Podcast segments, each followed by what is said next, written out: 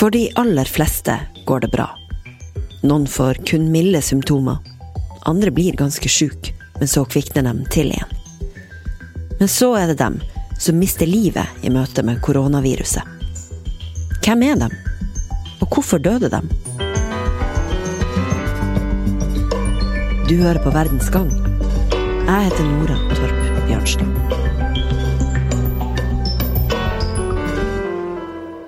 Uh, hun lå jo på, på sykehuset i Salzburg i det såkalte Covid-huset. Og hun følte seg i knollform og gleda seg til uh, å komme hjem. Hun følte seg ikke syk, men blodverdiene var litt for dårlige til at hun fikk reise. Og det var ingenting som tilsa at hun aldri skulle reise hjem igjen. Nina Årnes Wanke mista nylig mora si til korona. Anne Grete Årnes ble 82 år gammel og døde på et sykehus i Østerrike der hvor både mor og datter bodde. Det var mandag den 30. mars. Eh, som sagt, vi var jo sikre på at hun skulle få komme hjem, og det var legene òg. Det var bare at de ville ha blodverdiene helt i orden først.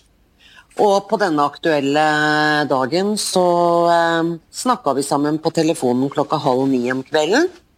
Og ja, natta og sov godt, og vi snakkes i morgen. Og ja, og da får du sikkert reise hjem, vet du, mamma.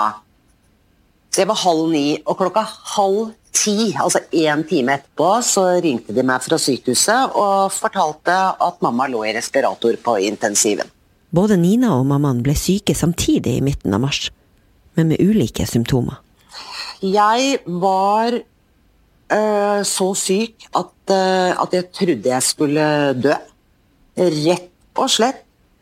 Uh, jeg ble ikke lagt inn på sykehus, og jeg, altså jeg ville ikke heller. Men jeg ble ikke lagt inn, for jeg hadde ikke hadde jeg åndenød og bare bitte lite grann feber. Men derimot så hosta jeg uavbrutt døgnet rundt helt til jeg kasta opp. Og jeg hadde en uh, hodepine som ikke lar seg beskrive. Det var helt forferdelig. Og så skjedde det noe med smaks- og luktesansen min.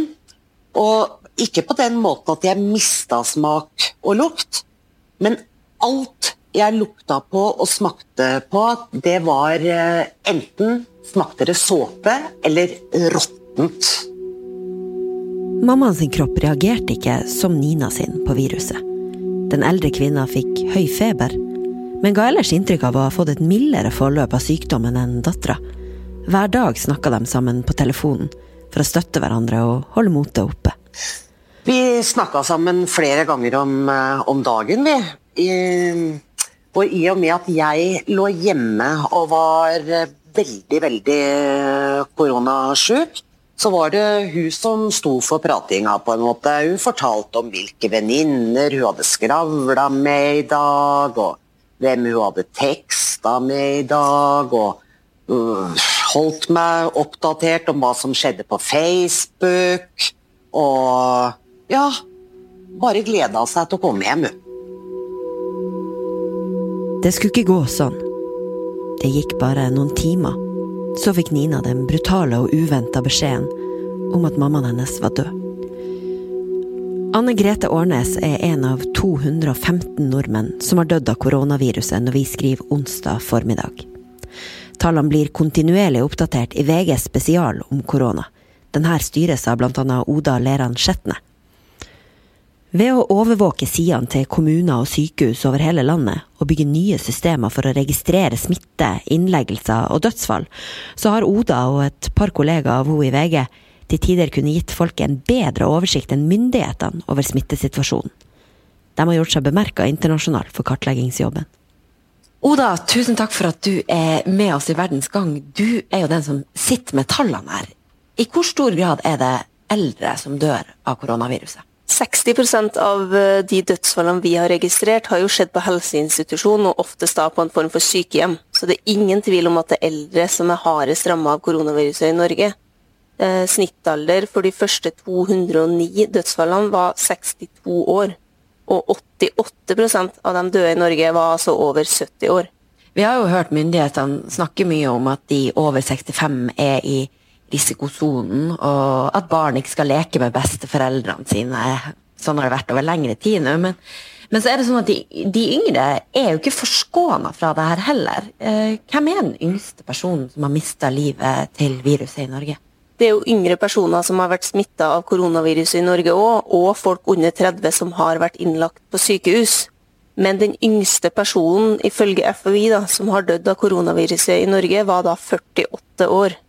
Vi har eh, registrert tre dødsfall mellom 40 og 49 år, og seks mellom 50 og 59 år. Så, så langt så er det da så få som ikke, som ikke er eldre, som har dødd av koronaviruset.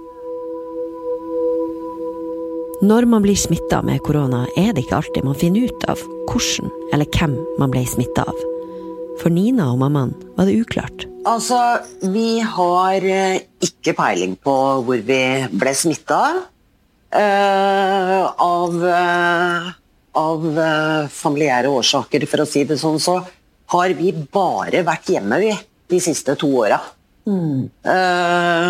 Vi, vi, vi går en sjelden gang ut og spiser lunsj. Ellers så har vi bare vært hjemme. Ikke vært på byen, ikke stått på ski, ikke sittet i noen gondol. Eh, ikke vært på fester, ikke i store selskaper. Ingenting. Vi har prøvd å spore det, og vi klarer ikke å spore det.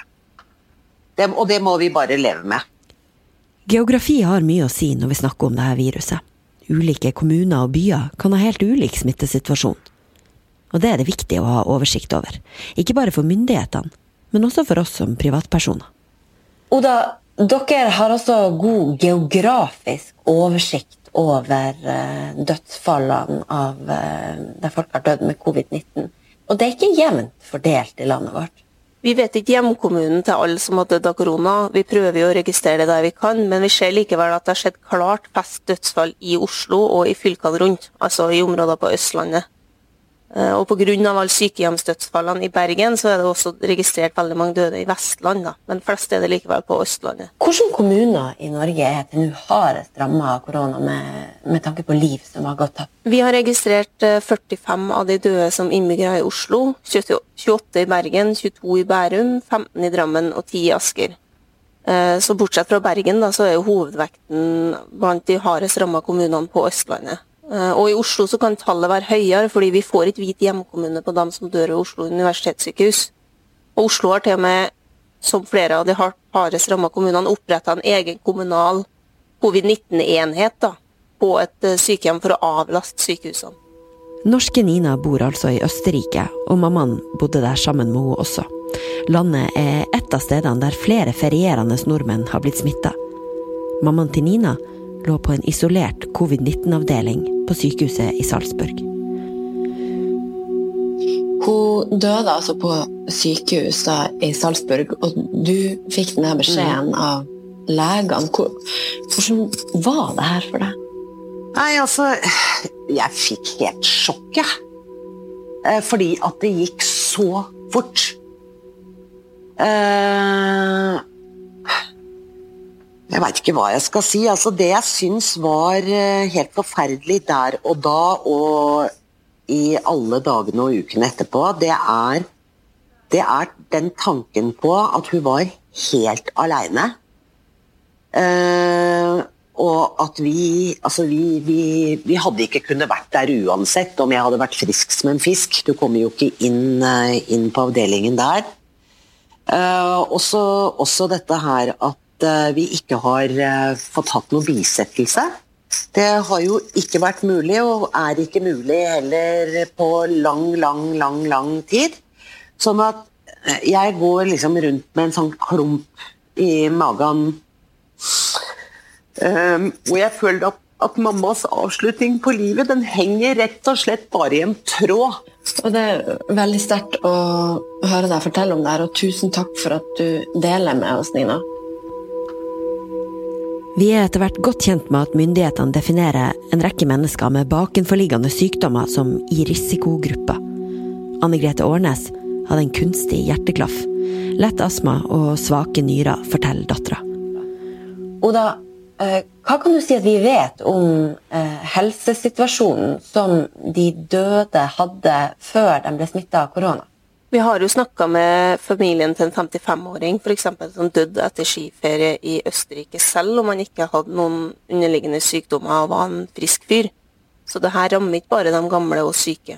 Eh, den siste rapporten fra FHI viser at 17 personer som har dødd i Norge, ikke hadde noen underliggende kronisk sykdom. Men likevel da, så er det et overveldende flertall av dem som har dødd, 77% som var registrert med minst én underliggende kronisk sykdom. Det tok lang tid før Nina forsto hva det var som hadde ramma hun og mammaen. Altså, dette her eh, Vi ble ramma av dette her helt i begynnelsen. Altså før, før, nedstengning og alt mulig sånn. Det var akkurat i de dagene der. Og eh, Vet du hva, vi skjønte det ikke, vi. Jeg hosta litt, men var ikke sånn uh, hostekule, men litt sånn Jeg tenkte jo ikke korona på grunn av det.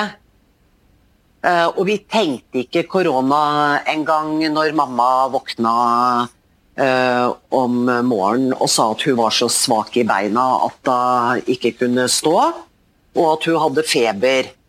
Vi, vi trodde, tenkte ikke korona, men pga. at vi hadde fått beskjed om at har man sånne og sånne og sånne symptomer, så skal man ringe, så gjorde vi jo det. Det dør jo mange i Norge hvert år bl.a. av influensa. Men dør det flere enn vanlig nå?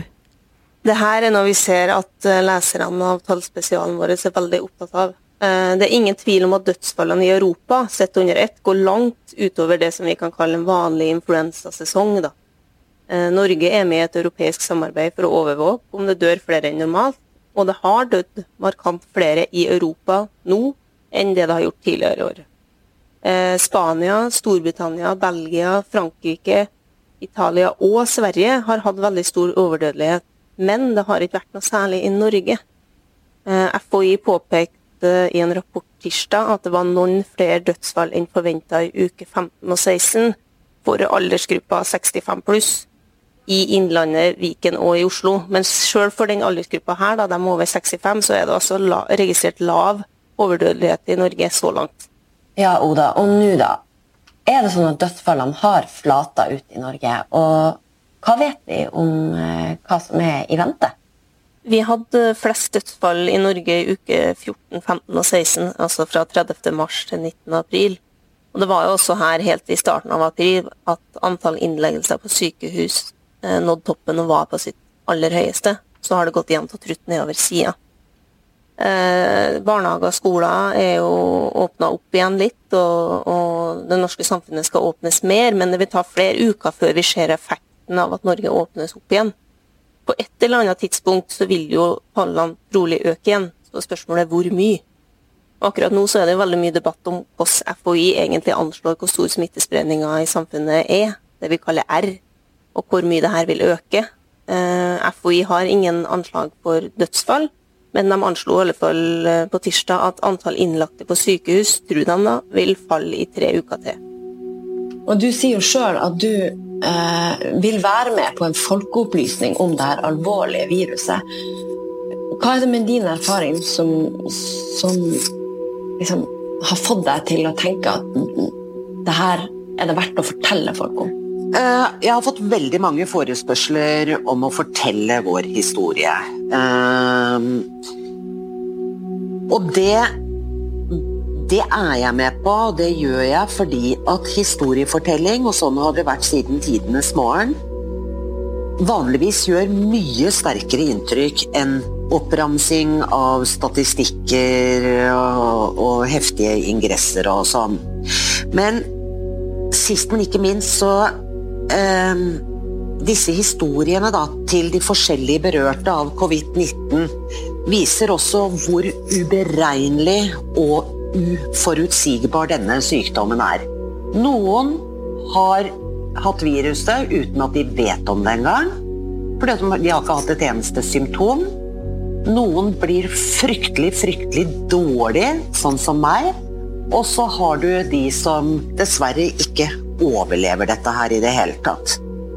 Derfor må vi fortelle disse historiene. Du har hørt en episode av Verdens gang, VGs daglige nyhetspodkast. Den lages av Emilie Hall Torp, Tor Erling Tømt Ruud, Kristine Hellesland og meg, Nora Torp Bjørnstad. Teknisk produsent er Magne Antonsen. Hør på oss i morgen også, og fortell gjerne en venn om oss.